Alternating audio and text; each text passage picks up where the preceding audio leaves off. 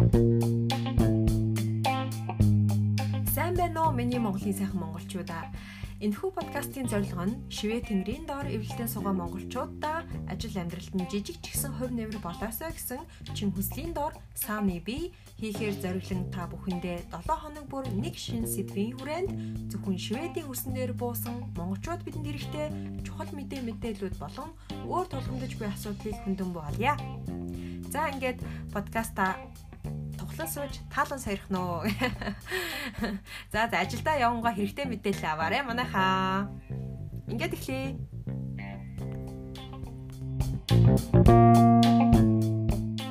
Цэвэр яриа маань бол тийм их үү. За.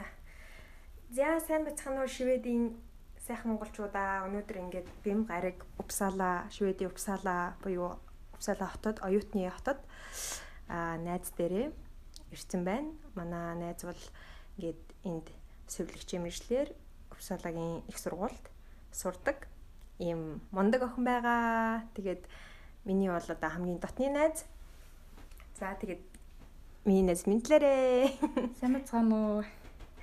Тийм ээ ингээд өнөөдөр бид хоёр ер нь бол өнөөдрийн ярих сэдв бол аа Шведэд сурахын давуу тал, сурсны дараах амьд аж амьдрал хэрэгтэй байхын давуу тал. За бараг сул тал гэж бол нэг байхгүй бах ямар ч байсан те. За тэгээ сурах. Ер нь бол энэ одоо оюутан хүн шивэдэд оюутан хүн яаж амьдардаг ямар одоо зүйлсийг туулж иж те.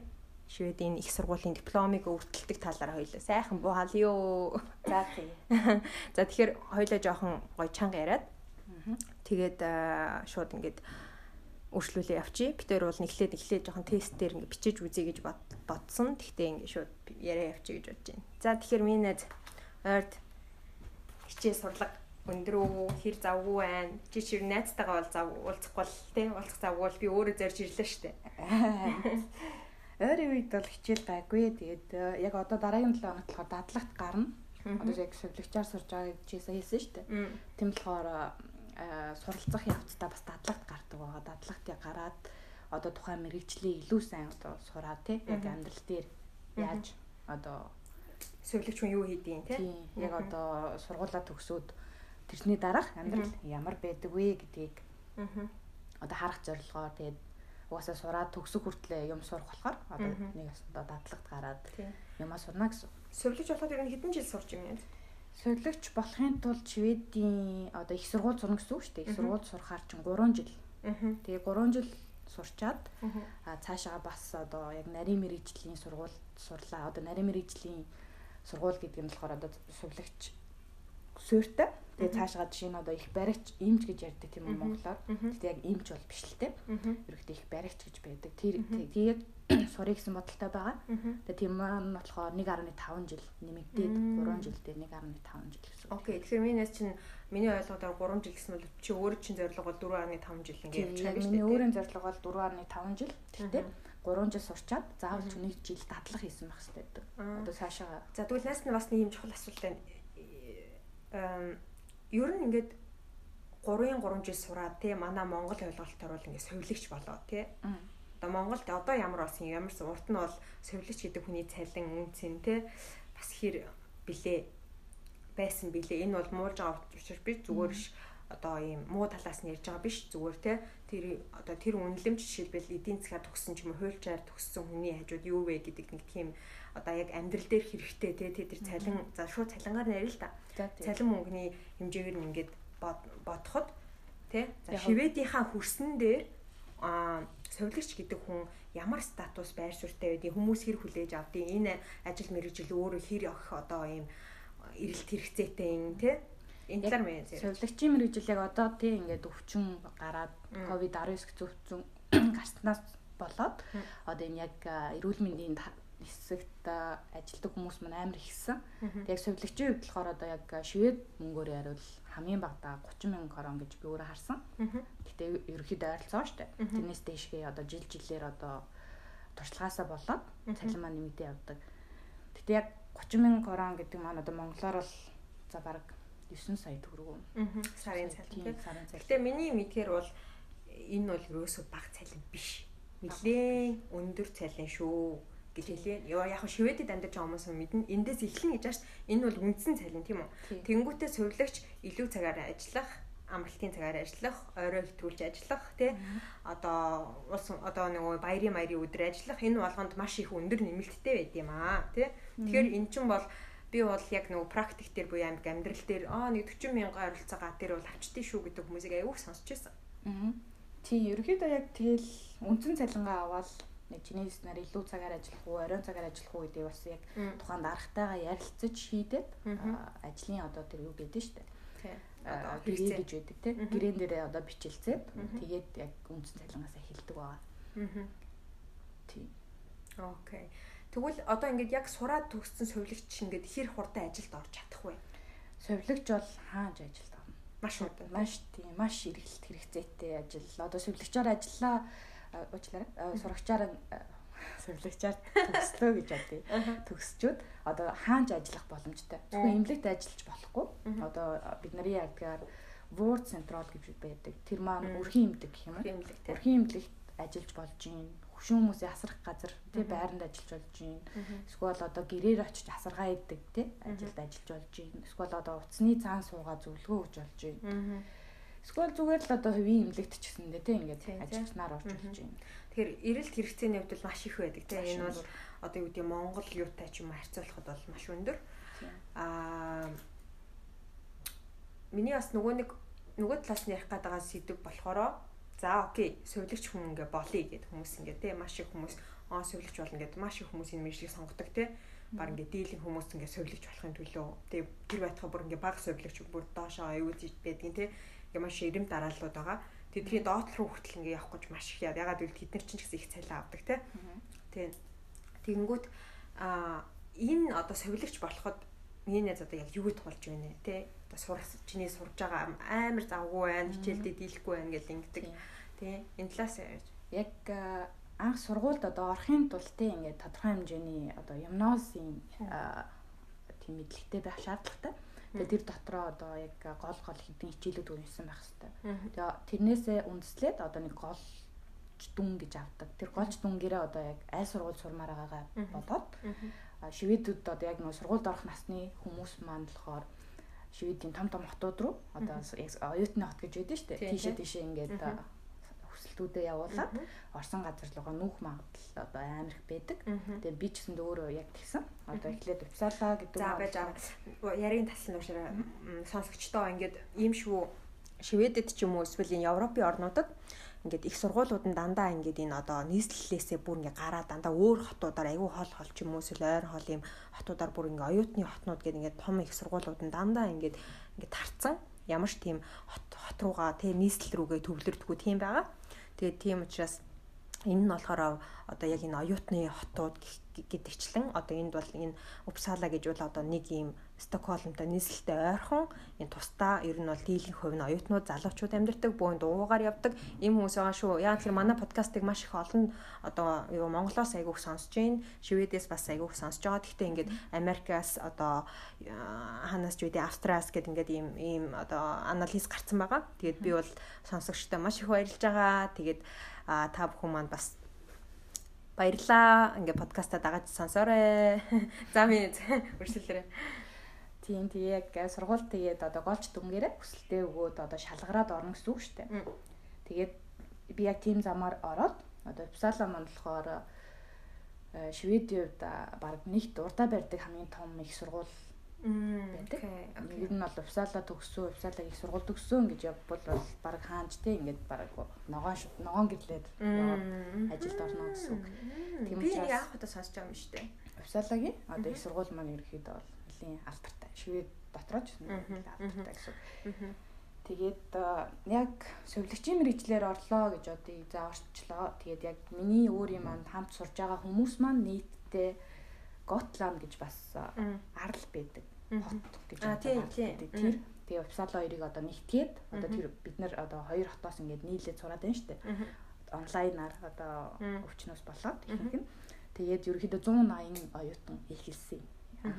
Намайг яг өөр харж хахад тэгээ одоо явандаа ингээд хүмүүс маань те дундаас нь шантраад дундаас нь одоо гараад ерөөдөө 130 хүн үлдсэн. Яага шантарч जैन тийм хүнд юм уу? Би яг тэр талаас шууд яриач. Тийм. Ер нь бол яг хүндийн хувьд бол их сургууль гэдэг маань өөрөө баг 100% одоо ажиллана гэж ярьдэн шүү дээ. 7 оны 40 цаг тий. Яг тийм зориулттай байдаг. Шаарддаг тий. Тэгээд ихэнх одоо ийм мэрэгчлүүд маань болохоор амар хүнд хүнд курснуудаас эхэлдэг. Одоо курс гэдэг нь хичээлүүд хичээлийн одоо тийм жижигэн жижигэн одоо ингээд моментууд жижигэн жижигэн одоо янз янзын одоо үйл хийх ёстой. Одоо тийм даалгавруудаас янз янзын юмнууд байдаг.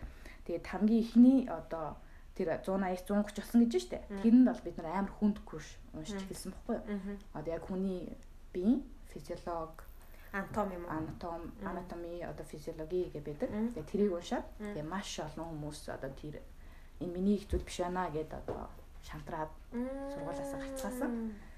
Тэгээд ерөөхдөө ингээд баг багаар одоо тий зөвхөн хагас жил тийм сурчаад тийж гарч байхад 3 жилээс шүү дээ тий.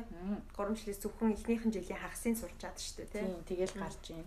Тэнгүү дахиад жил сурчаа гарч байгаа юм байж ийн. Одоо явандаа ингээд өөртөө би энэ миний хийх юм биш байна гэд ингээд өөртөө мэдээд мэдээд мэдрээд мэдрээд тэгээ гараагаар явчихдаг. Ерөөдөө тэр тал дээр жоохон. Окей. Э Одоо тэгээд чи бол айгүй амар юм завгүй маш их юм хичээл уншиж чинь гэдэг те.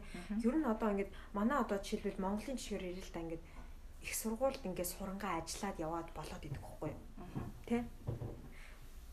Тэгвэл яагаад энд одоо тэ тэгж болохгүй байна? Одоо их сургууль сурна гэдгийг маань миний ойлгосон миний одоо мэдхээр бол юм баггүй юу? Энд бол чи үнэхээр тэр одоо хүнд курснуудыг те бүр ингээд нэг бүрчлэн деталь болчлон те ингээ утга болгоныг ойлгоод тэрэндээ дүүдсэн шалгалтыг өгөөд тэнцэхгүй бол тэгээд дараагийн юмд ордгоо. Яг тийж бол хэлж болохгүй л те. Яг нэг шалгалт өгөн тийм үү. Гэтэ Шведийн одоо их сургуулиудын нэг онцлог нь болохоор нэг шалгалт өгөөд чамаа шууд гаргана гэж байхгүй. Магадгүй чамд ингээд хоёр дахь боломж, гурав дахь боломж гэж өгдөг. А харин одоо жишээ нь ингээд нэг шалгалтанд би унлаа гэж бодъё тийм үү. Тэгэхээр дахиад нэг тавтан шалгалт гэж байдаг.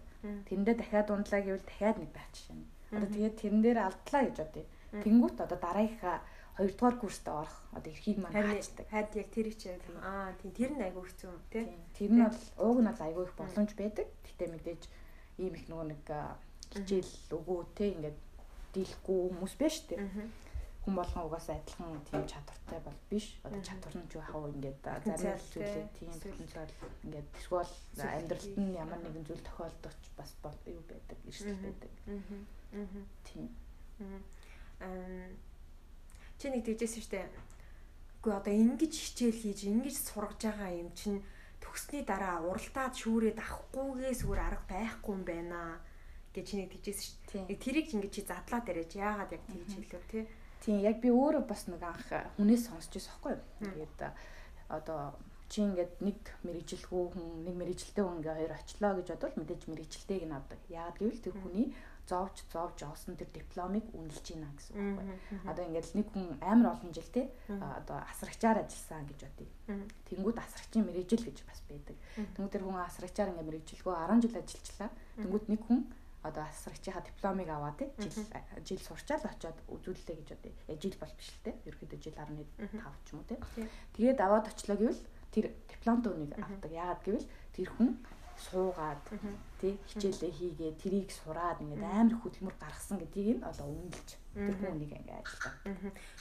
Энийг яг нөгөө нэг энэ Монгол сэтгхүүдээр яг манай Шведэд одоо аль хэдийн багаас сурцсан хүүхдүүд энийг ойлгож байгаа ахaltaа. Гэхдээ яг ингээд Монгол сэтгхүүгээр цэвэр бодвол тий баг Монголд баг нөгөө нэг туршлагатайг нь авах байхгүй. Чи баг юм хоосон цаас өвдөлчөөд юу хийж чадах юм яг чи тий чадахгүй шүү дээ. Яагаад энд ингэж үнэлээд байна гэдгийг би мэдмээр байгаа байхгүй. Одоо ингээд би сувлагчаар сурж байна гэж бодоход ингээд зөвхөн хичээл хийгээд тахгүй бас дадлагт гаргаж штэ. Би сая хэлсэж дараагийн 7 хоногоос би ингээд дадлагт гарнаа гэд. Тэнгүүд тэр хүнийг бүр ингээд яг ажил бэлэн шууд бэлэн болоод гартал нь сургадаг байхгүй. Аа. Ингээд онл ороод байхгүй. Тэнгүүд ажил дээр оронгуудаа юу ч чадахгүй биш те. Чадахгүй биш. Харин ч бүр ингээд зөвхөн шинхэн те ингээд хичээлээ сурцсан мэрэгчлэрээ ингээд дадлах хийцэн бүр яг жинхэнэ ингээд алаад үгүй тий ажиллаад үгүй гэсэн байдалтай гарч ирдэг. Болохоор тэрийг ингээд амар үнэлдэг. Тэгэхээр яг бүр яг үнэлж чинь тий сургалт нь маш сайн болохоор үнэлээд байна тийм үү? Тийм. Их сургуулийн мэрэгчлүүд ч одоо совлооч гэлтгүү хуйлж одоо юу байдин тий бүх тэр мэрэгчлүүдийг яг тийж үнэлдэг. Яг одоо тухайн хүний сурсан жилээр нь ч юм уу тий сурах одоо би энд хийсэн штэ амар ингээд ингэж зовж тий хөдөлмөрлөж байж одоо гарч ирж ах чинь тэр хүний хөдөлмөрийг үнэлж энэ цалихгүйгээ яах юм бэ гэж биелсэн штэ тэрийг яг би өөр ингээд амар мэдрээд тийм болохоор ч тэр ингээд одоо өглөөнөөс өдөр орой хүртэл ингээл хичээлийгээ сууж шít. Тэнгүүч ингээл тэр орон чинь шантрах үе байна. Заримдаа л ингээл одоо амар урам ороод хийх үе байна. Тэгэл янз янзын л үе байна. Тэр болгондоо ингээл за за ингэж те. Тэгтээ тэргүй одоо би төгсгөлийн харж байна. 3 жилийн дараа ингээд бэлэн нийтлэхэд ингээл хурдан өнгөрчлээ. Ингээл нэг жил өнгөрчлээ шүү бараг. Корона гэж идэл те. Харин яг корона корона гараад ингээд чи түрүүлсэн шүү дээ. Корона гараад ингээд одоо сувилагч нар баг амар хэрэгтэй гэ тэ. Шведэд бол яг тийм биш. Эсвэргээрээ угаасаа л хэрэгтэй байсан тэ. Бүр сувилагч нарын асар дутагдaltaа гэдэг байгаа шүү дээ. Тэ. Тийм болохоор энэ дээр бол ингээд яг зөвүүр засаж хэлэхэд бол Шведэд бол энэ халамжийн тэ одоо эрэлт хэрэгцээ бол маш өндөр өө тэ яг хөө энийг нөгөө жоохон мэдхгүй байгаа сонсогч нартай хэлж байгаа шүү тэ а тэгээд халамж энэ имлэг тэ энэ энэ төрлийн одоо энэ ажил энэ төрлийн салбар бол маш өндөр хөгжсөн байдаг учраас одоо энэ ажилчтай бол тэр байтугай юу лээ сайн коронавигоор одоо үхэн хатан тэмцэж ажилласан бүх юмудаа нэг удаа айгүй том шагнана гэсэн дээ засгийн газраас. Нэг тийм бүх юм явсан. Тий. Тэгээ яг хоо энэ 100% баталгаатай биш гэхдээ энийг ингээд те яг яаж хянах тодорхойгүй гэхдээ бүр тийм гэсэн дээ. Тий. Тэгээ тэр энэ мэтлэн одоо сувлагчийн мэрэгжил бол маш бас гоё мэрэгжил юм аа. Ер нь бол сувлагч нар бол нэг нэг машин унаал компьютер юун дээр ингээл нөгөө нэг юм аа одоо жишээлбэл ямар ажил хийхээс шалтгаалж байгаа хальтаа тэгтэл компьютер юун дээр маш их ажилдаг. Дандаа илүү тийм практик байдлаараа хүнд одоо тариа тарих ч юм уу тэр талаасаа илүүгээр айгүйх тэгэж ингэж одоо ялангуяа юм халамжийн юм тийм одоо хөгшчүүлийн юм байр марийн дээр ингэж тэр одоо байрыг ч юм уу одоо тэрэн шиг 10 байрыг хариуцдаг ч юм уу тийм дандаа бичиг цаастай ажилтдаг тэгжэл ажилт юм байла. Тийм ерөнхийдөө ингээд нөгөө багийн ахлагч гэж яддаг байхгүй юу. Ингээд маш олон асрагчтай тэгээ өөр олон сувлагчтай ингээд эмчнэртэй байсан ч гэсэндээ одоо сувлагч нь одоо тэрхүү багийг одоо даргалаа явж байгаа юм шүү дээ. За чи асрагч асрагч гэдэг мэржлийг юу гэж ойлгож байна? Асрагч гэдэг мэржил амьдрал дээр яг ямар үн цэнтэй, ямар статустай юм би өөрөө бас яг нөгөө тийм ажил хийж үзсэн болохоор яг хуу статус гэдэг нь одоо яг тэрхүү нь амар баг гэж боддог. Яагаад тэгэхээр маш их ажил хийдэг те. Одоо сувлагч сувлагч гэж яваад штэ. Яг үнэ гэхэд сувлагчийн ажил нь баг хэрнээ? Одоо юу гэсэн ажиллах нь багч байх. Нүг амар их юм бичиг цаасны ажилтай хэрнээ? Яг ингээд асраад ингээд тэр тариа мараа тариад явах боломж нь маш бага байдаг.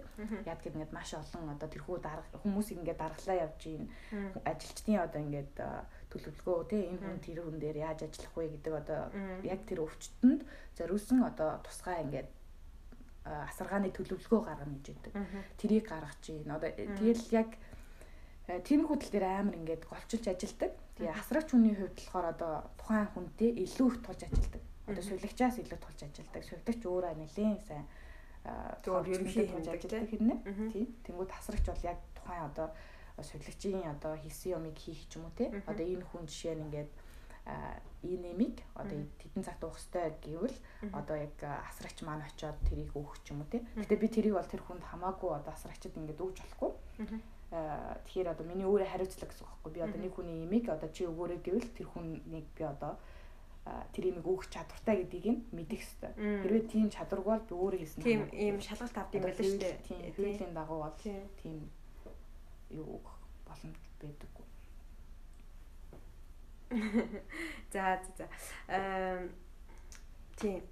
Гэхдээ бас маш их хүн асарчаар ажилладаг. Маш ихтэй одоо асарч ирэл хэрэгцээ маш өндөр байдаг бас Тийм болохоор ер нь халамж имлэг энэ чиглэл бол маш өндөр хөгжсөн гэдгийг хэлэх гэжсэн. А тэгээд дараагийн ярмаар байгаа зүйл маань болохоор би ч юм одоо эхний энэ хугацаанд те эхний энэ хагас жил чи хэдэн төрлийн хичээл уншив те хэдэн төрлийн курс уншив.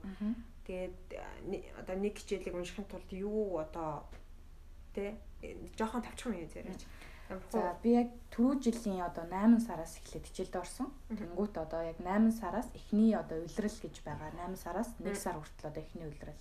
Тэр тэр улирал маань болохоор хоёр курс унсан. Одоо тэр курсын дотроо бас маш олон жижигэн жижигэн ингээ хийх ёстой тий. Оролцох ёстой одоо хичээлүүд байгаа. Өөртөө одоо бичээд өгөх, явуулах ёстой хичээлүүд байгаа. Өөртөө одоо очиод дадлах хийх одоо тариа тарих ч юм уу, цусны шинжилгээ авах ч юм уу тий. Янз янзын тийм нэг амьдрал дээр хийх ёстой. Одоо дадлагууд тийм зүйлс маань орсон. Тэгээ хамгийн ихний одоо курс маань болохоор эхний одоо удиралт хоёр курс явуулсан гэж байгаа. Эхний курс маань болохоор түрүүний хэлснээр анатоми одоо биеийн онцлог, биеийн бүтэц те одоо EDC-ийн бүр наривчилж үзэж штэ. Одоо ис одоо яаж үйл ажиллагаа явуулдаг вэ гэх юм те. Тэр үртэл ингээд үзэж байгаа. Тэгээ хоёр дахь нь болохоор ингээд ерөөхдөө эрүүл мэнд бас эрүүл бус байх байдал ч юм уу яг тэрийг ингээд өвчин. Яг ямар ямар өвчин бид бэ гол гол өвчнгүүдээ ингээд уншаад ерөөхдөө ингээд яг ерөхий зүйл уншаад. Тэнгуүтэй хоёр хоёр. Яриг нь таслан дуучлаа. Би бас түрүүн бас асуулт нундаа нэг юм бодоодсэн. Э одоо чи ингээд өөрөө их сургууль сурганы тулд ингээд нэг шийдэд мэрэгжил сонгоод эхэллээ штэ тий. Тий. Тэнгүүт бас чам шиг маш олон одоо гимназид тий сураад цаашдаа юугаар сурах вэ, яах вэ гэж байгаа тийм олон одоо манай Монгол тий тэгтээ шивэдэд амьдардаг, сурдаг, багасаа энд сурцсан тийм хүмүүс маш олон байгаа тий. Энэ хүмүүс ер нь ингээд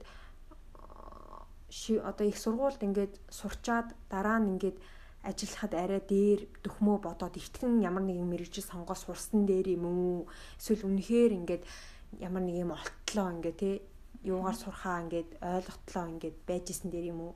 Тий одоо ингээд их сургуульд сурахад ингээд чамаас ямар зардал гарч ийн? Их сургуулийн төлбөр за одоо нөгөө нэг оюутны тэтгэлэг буюу тий студийн медалийг авдаг бол одоо тэрний тэр чинь ингээ 100% ийм одоо үнгүү мөнгө юм уу те? Эсвэл тэр чин дараа нь ингээд ажил хийхээр өгөх ёстой мөнгө юм уу? Хэр хугацааны дараа өгөх ёстой юм ер нь ингээд одоо чи ингэж их хичээл хийж иж те? Ажил хийхгүй яаж болоод байна вэ? Шведийн хувьд.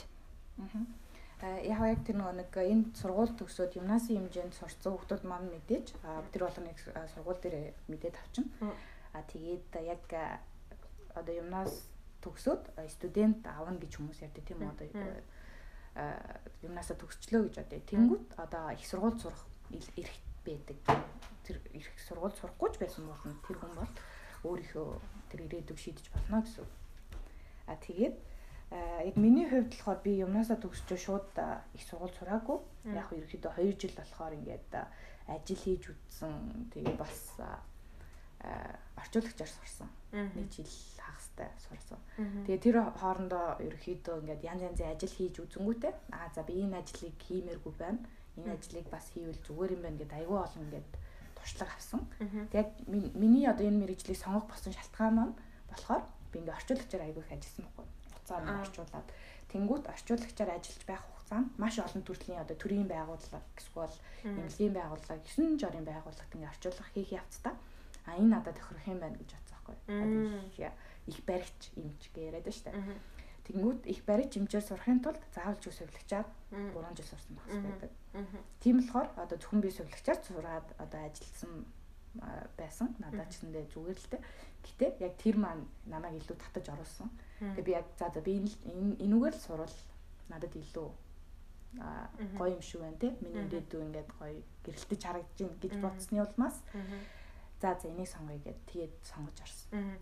Надад айгуугаа санагчлаа. Манай манай нөгөө найз байгаа тийм манай нөгөө найз болохоор бас нөгөө их барихад ингээд нөгөө нэг хийг ингээд бэлдэж туслалцаа үзүүлдэг бас тийм юмгаар ингээд одоо сурсан гэхүү те тиймаар ингээд мэрэгсэн байгаа ингээд бид хэд яг ингээд тойрсон нэг юм салбарын юм шиг те байгаад байгаа юм байна л да. Одоо ингээд болсон асран гэдэг чинь өөрөө бас амар гоё.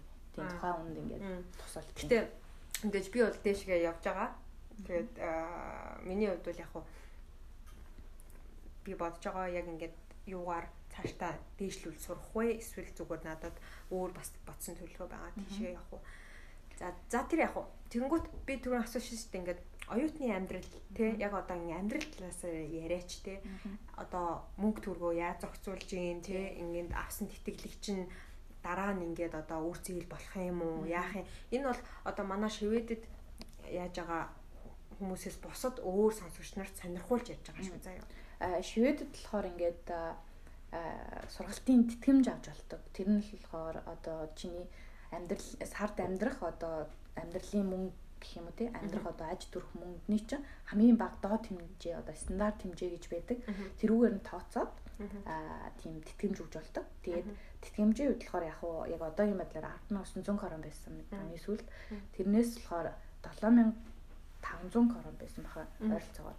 Тэр нь болохоор ингээд зээл тэгээд тэрнээс гадна одоо тэтгэмж гэдэг нь шүү дээ. Тэтгэмж нь болохоор одоо сургалтын зээл, сургалтын тэтгэмж хоёрыг нийлүүлээд сургалтын тэтгэлэг гэдэг одоо нийлүүлээд байгаа гэж юм байна. Тэнгүүд а 3000 одоо 200 300 крон болохоор одоо үнгүй мөнгө. Одоо чамд ингээд 30% нь үнгүй 70% нь зээл юм байна шүү дээ тийм.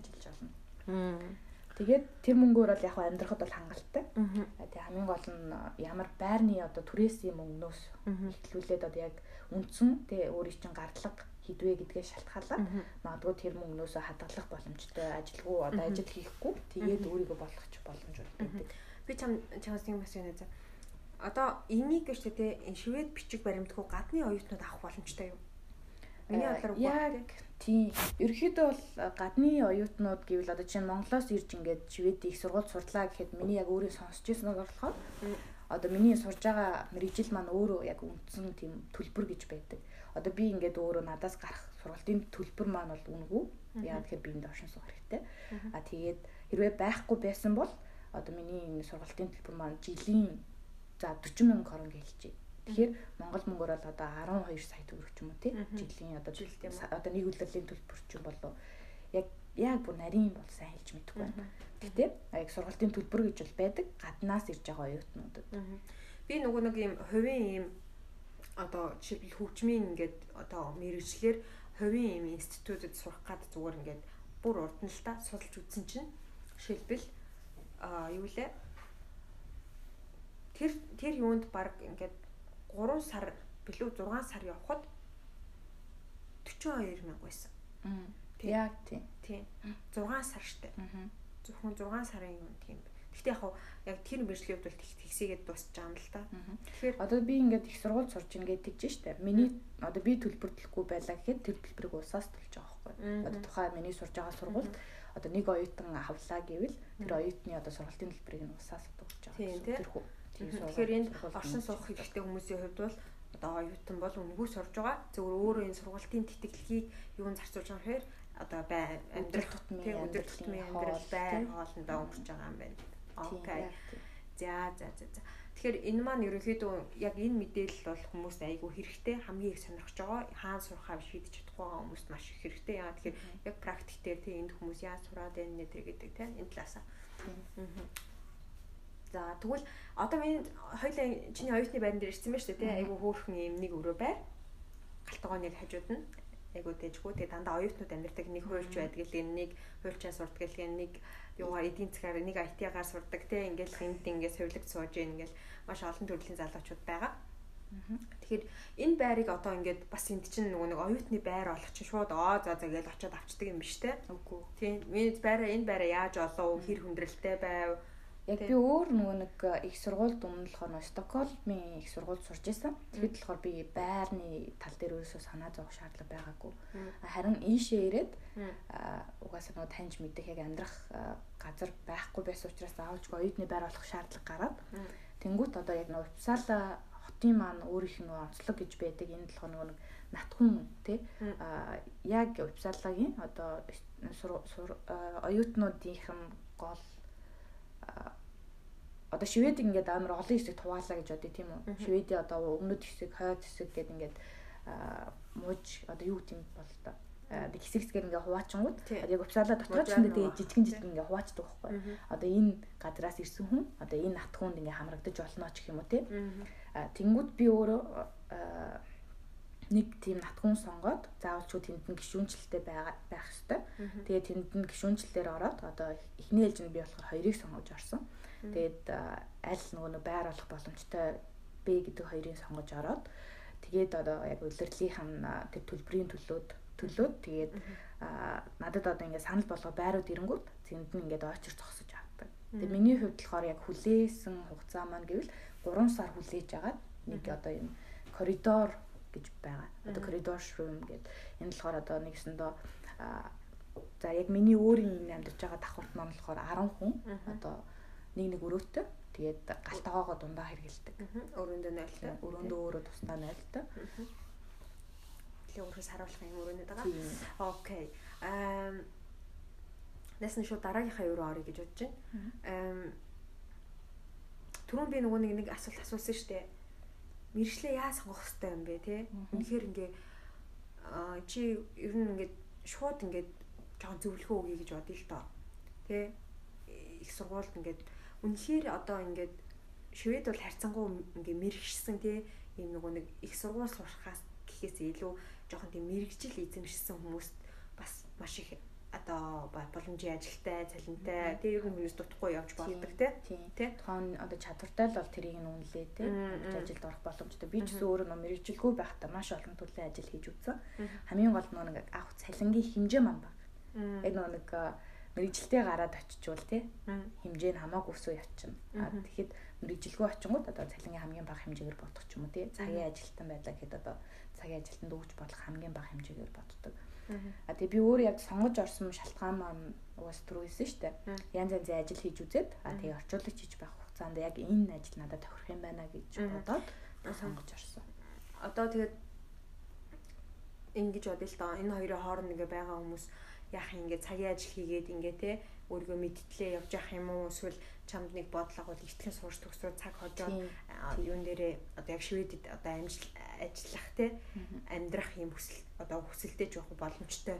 Аль хэдийн тийм те ээж аавны дэдэг өөрөө энэ сургууль төгссөн тийм хүүхдүүд одоохондоо ингээд зүгээр ингээд цагийн магийн ажил энэ тент хийгээд ингээд те эсвэл өөрөө компани хийж гараад ингээд явж явах юм уу? Эсвэл үнэхээр сураа төгссөн дээр юм болов яг шведийн нийгэмд амьдарч байгаа тий яг ингээд хөлөө олцсон одоо хэлийн сурцсан хүмүүс бол ингээд амьдраад яваад иж бол болно. Яг цаавж байгаа цалин нь бол хангалттай тий өдөр тутмын. Харин тэрнээс жоохон дээгүүр амьдрья ч юм уу эсвэл эсвэл өөртөө дуртай юм а хийе гэж бодвол яг мэрэгжил сонгоод явж болно. Тэгээд миний хувьд ч амар хэцүү байсан. Яг ингээд юмнасаа төгсчөөд ямар мэрэгчлэр сурах вэ гэдэг амар олон зүйл бодоод тэгээд тэр болгоноогоо би нэтээ сайж үзсэн байхгүй. Хувилжаас дурвал тий ингээд яг ямар ямар боломж байд юм бэ? Ямар ямар сургуульд орох хэрэгтэй юм бэ? Ямар ч гол дүнтэй, голч дүнтэй байх хэрэгтэй юм бэ? Гэд эмчээр сурыг гэж бодож үзсэн. Тэгтээ миний дүн хүрээгүй. Яг хүргэж бас болдог. Шведийн бас нэг гоё юм болохоор голч дүн маань ингээд хэдийгээр хүрээгүй ч гэсэндээ а нөгөө нэг усын шалгалт гэж байдаг. Одоо хойг скул про одоо их сургуулийн шалгалт гэх юм уу? Тийм өгөөд тийм Тэгээд тэрүүгээр ингээд маш өндөр оноо авлаа гэвэл бас тэрүүгээр ингээд бус нөө голч дүнтэй хүүхдүүдтэйгээ өрсөлдөөд одоо тэр сургуульд ингээд өсөлтөө өгөө тэрүүгээрээ шалгаж орох магадлал маш өндөр байдаг. Мм окей. За за за. Яа. Тэгэхээр нөгөө нэг боломж бол танда байгаа тий. Тийм боломж бол ямар ч замаар явсан янз янзын боломж бол зөндөө байгаа. Тийм. Тэгэхээр энэ тусдаа бүр ингээд ийм сургалтын одоо манайхаар бол менежерүүд гэдэг үлээ тий. Ингээд яг юугаар сурах одоо гимнаст нахт нь бол яадаг шүү дээ юугаар сурмаар энэ тэрэнд нь зориулаад а чи ингэж ингэж ийм ийм дүн аваад тийм үү эсвэл энэ сургуульд хэдэн жил сураад тэгээ ийм системээр ингэж ингэж яваад тэгээд эмч одоо хуульч эсвэл цагдаа эсвэл ийм болох боломжтой болж болох юм байна гэж төлөвлөгөөг нь гаргаж өгдөг тийм яг тийж бол тиймэрхүү аа жоохон замын зааж өгдөг тийм ингээд янз янзын одоо сургалтууд байна, янз янзын зүгээр тийм лекцүүд байна. Янз янзын зүйл зөндөө ингэ ойлгох туслая те. Одоо ажлын зах зээл дээр гаргая эсвэл ядаж сургаад гаргаад авъя гэсэн ч зөндөө байгууллагууд бас байдаг. Дөнгөж одоо юмнасаа төгссөн хүмүүсийг те дадлаг хийлгэж агаад дараа нь цааш нь ингэ сургуульд нь сургаад ч юм уу тийж бас авдаг компаниуд байдаг. Окей. За за за. Аа өөр чи хоёлаа одоо марцсан юу байна? Ер нь тэгээд бараг бүгдийг нь ярьчихж байгаа юм шүү. Тийм тий. Бараг бүгдийг нь ярьж байгаа шүү. Аа тэгээд миний хувьд ингэж боддtiin. Э, ер нь ингээд яг үнэхээр заяа чинхнээсээ ингээд юу хийхээ тэг энэ ер нь амьдрах амьдралтаа тий юу хийхээ ойлгохгүй үнэхээр дуучин бүжигчин болмоор байд юм уу эсвэл үнэхээр эмч цагдаа болмоор байд юм уу эсвэл үнэхээр эдийн засагч IT ч юм болох юм уу те тэрийг арай ойлгож амжаагүй бол те яг үнэхээр айтайхан энэ тэнд ингээд гайгүй ажил хийгээд дадлага туршлага суугаад те сонирхсан юмнуудаа хийж үзэж байгаа. Одоо нөгөө нэг би сая хэлсэн шүү дээ. Хүүхдүүд ингээд юмнаас төрсэн хүүхдүүд маань бол өөрсдөө мэдж байгаа. Харин юмнаас сураагүй тийм Монголоос ингээд жоохон насан туршдаа хоноо ирсэн хүмүүс бас биш дээ. Тэр хүмүүс бас нөгөө зориулаад тийм хилний бэлтгэл гэж байдаг. Шведлийн сургаад а тэгээ бас одоо дадлагтай тийм сургалтанд сургаад авдаг бас зөндөө компаниуд байдаг. Одоо яг нөгөө Шведийн хөдөлмөр зурчлалын алба гэж байдаг. Тэр нь болохоор одоо нэг өсөндөө тухайн үнийг одоо ажлын зах зээл дээр гаргах бүх боломжийг нь ингэж олгож өгдөг нэг тийм зууч компани гэдэг. Тийм. Тэгэхээр нөгөө энд одоо бас шинээр ирээд сууршаад одоо гимназиум зэнд сураагүй тэгээ Монголынхаа дүн мөнгөнд дөөцөглээд тэгээ цаашаа шууд явж байгаа хүмүүс байгаа шүү дээ. Тэр хүмүүс чинь бол эндхийн гимназийн амьдралыг юу ч мэдэхгүй тий гимназиас өгдөг тэр мэдээлэл юм хүмийг юуроос авч үзээгүй тийм хүмүүс байгаа ш. Тэгээд тэр хүмүүс одоо энд ингээд бичиг баримт баримт аваад ялгаагүй л айлхан сурах хэрэг үүсэж байгаа тий. Тий.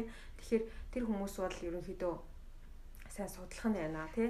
Яг юугаар сурвал хийдэ. Жохон илүү чи бодъё л да илүү ингээд илүү за 20 та биш. За 25-аас дээш настай хүн байлаа гэж бодъё. Тэгвэл илүү жоохон практик тал буюу амьдрал дээр хөрсөн дээр бухтлаасаа бодж үзэн шүү дээ тий. За би энэ мэрэгчлэр сурвал а эдэн жилийн дараа би нэг нэг совилогч болох юм байна. За би нэг одоо эдийн засгч болчих юм байна. Би нэгтлэн бодогч болчих юм байна. Тэгмэл надад ийм ажил байгаа юм байна гэх те тэр талаас нь илүү мэдмээр байгаа хүмүүс одоо нэг монголчуудын бас айгүй олон хүмүүс ингээд аль хэдийн их сургуулаа төгсчөөд ирсэн хүмүүс айгүй их байд юм лээ тэрхүү хүмүүсийн хувьд болохоор нөгөө нэг тэр монгол одоо төгссөн сургуулийнхаа дипломыг одоо орчуулуулад нэгсэнд ингээд хөрвүүлээд шведийн одоо энэ боловсролын системтэй ерөөхдөө дүүцүүл дүүцүүлээд одоо тэрнээс дутсан одоо хичээлүүд байлаа гэхэд тэрийг л уншаад адилхан хэмжээний одоо тийм одоо мэрэгчлээ бол аль хэдийн сураад төгссөн шүү дээ. Тэгэхэд тэр мэрэгчлэр одоо энд ирээд хөрвүүлээд тэгээ тэрийг дахиж ингээд гүйцээж уншаад ажиллах боломж бас байдаг. Тэгээ хамгийн гол нь шаардлагатай зүйл болохоор хэлний хэлтэй хэлний төвшин тий.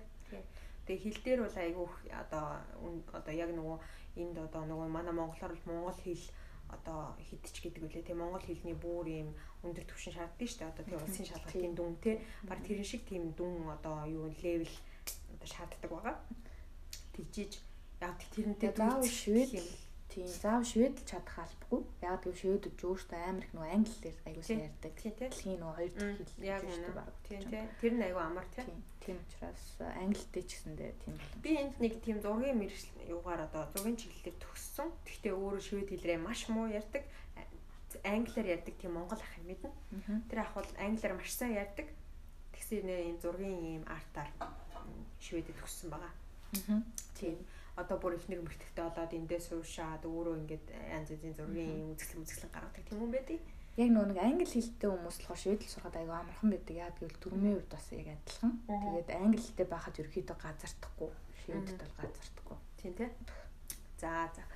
Эм нэг юм байдаг шүү дээ. За их сургуулийн ингээд эмч цагдаа цовлогч одоо тий ийм өндөр левел биш зүгээр ингээд илүү ингээд хүмүүс илүү ийм жоо мэрэгжил одоо тий одоо юу гэдгийг мужаан, сантехникч гэдэг тим юугаар сураад тэ тэрнгээр одоо юу гэдэг чинь компани байгуулна эсвэл одоо тэ юу гэдэг чи зүгээр тийм сантехникчээр ажиллана ч гэдэг юм уу те.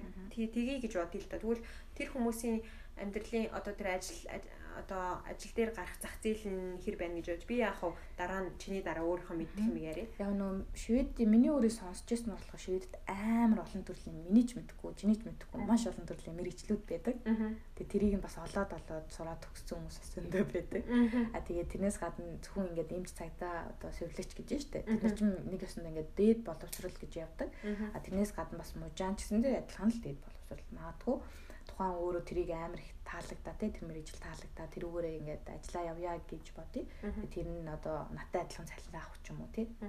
30 мянга хороо 40 мянга хороо магадгүй ингээд тэрнээс ч илүү авах боломжтой. Би нөгөө нэг сонсч байсан жишээлбэл юм нэг тааз тааз биш ээ дээвэр хийдэг хүмүүс гэж дээвэр дээвэр дээвэр хийгч гэж баг тийм мэрэгжил байт юм аашаа тий.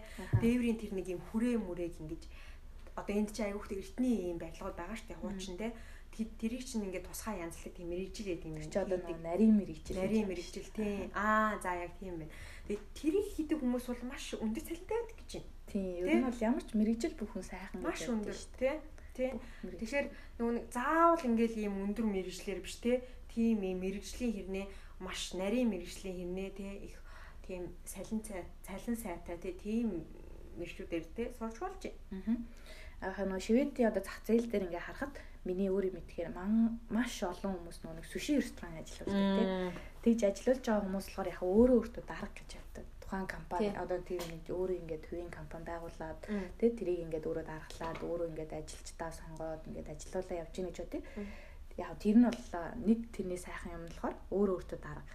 Тийм тий хүний дор ажиллахгүй хүн чамд юу тэр бол маш их хэрэгчлөө тий. Тийм нэгсэндээ хэрэгчлөө.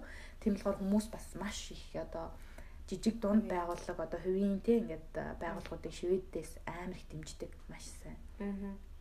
Жишээ нь ингээд тийм одоо ганцаараа би өөрийнхөө нэртэй ч нэг компани нэгээд явлаа гэж бодвол одоо шивэдээс шивэдийн одоо тэр нэг компани удирдлагын байгууллагуудаас нь тий ингээд тэтгэлэг тэтгэмж өгөх бас боломж аягүй байдаг. Аа. Тийм болохоор ерөнхийдөө нэг жижиг дунд байгууллагуудыг амар их дэмждэг. Шведийн өөрсдийнх нь систем.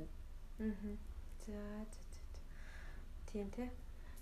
Аа Өөр чи найз нь юу асуу гэж бодож ила. Одоо ингээ нөгөө сэдвүүдээ солио явах ангууд шууд орж ирэхгүй байна. Эсвэл нөгөө шууд мартагнаад. Тийм. Ер нь бол баг ингээд болж байгаа бах тий. Тийм. Ер нь бол тэгээд а яг хөө сүүлийн нэг удаа сүүлчийн асуулт нэ за. За. Мен хэлсэн шүү дээ. Би бол мэднэ. Манай сонсогчд мэдэхгүй. Энэ хэлсэн. Чи одоо орчуулагчаар сурч төгссөн. Орчуулагч хийдэг. Тэ? Одоо ч гэсэн баг хийж байгаа те. Хичээл хааж байгаа.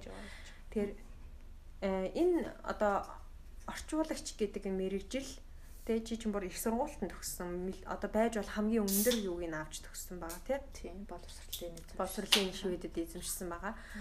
Тэгээд одоо миний асуух гэдэг зүйл болохоор орчуулагчаар ингээд сураа төгсгöd ажиллахад тий яг уу энэ одоо хүмүүсийн нууц ахалдаа чи маш олон төрлийн тэгээ хүүхний нууцтай ажиллаж байгаа тийм эмнэлэг одоо юу гэдгийг цагаачийн асуудлууд энэ тентхийн ингээл тийм ингээд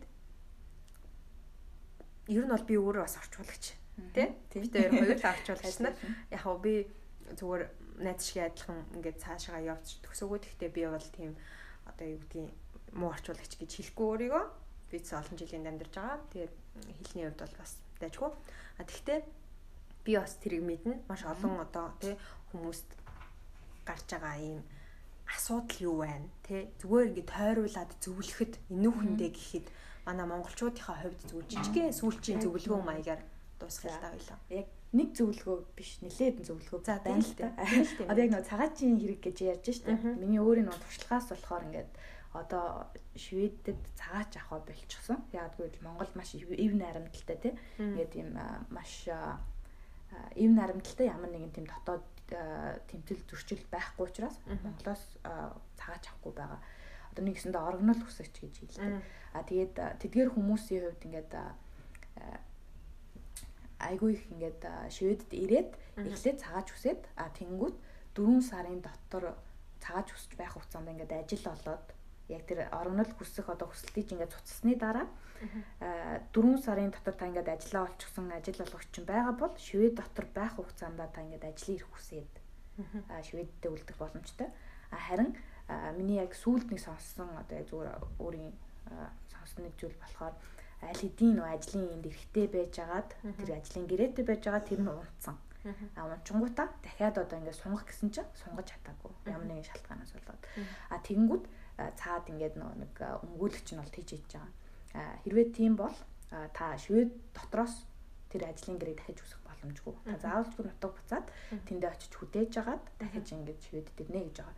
А тэр болохоор маш ингээд чухал яагаад гэвэл хэрвээ та ингээд ажлын эрхтээ энд амьдардаг бол тий ажлын одоо сунгуулах тэр бүх одоо шаардлагуудыг хангасан байх хэрэгтэй яагаад гэвэл угаасаа хүмүүс айгүй их тийж ажилтсан байлээ. Өөртөө ч ингээд цаг тухайд нь хянаад явдаг одоо сард ингээд ажлын хамгийн ингээд цалингийн бага хэмжээ одоо 13 мянга хорон ч юм уу тий байлаа гэж бодвол заавал тэрийг ингээд даргаас авч явах хэрэгтэй.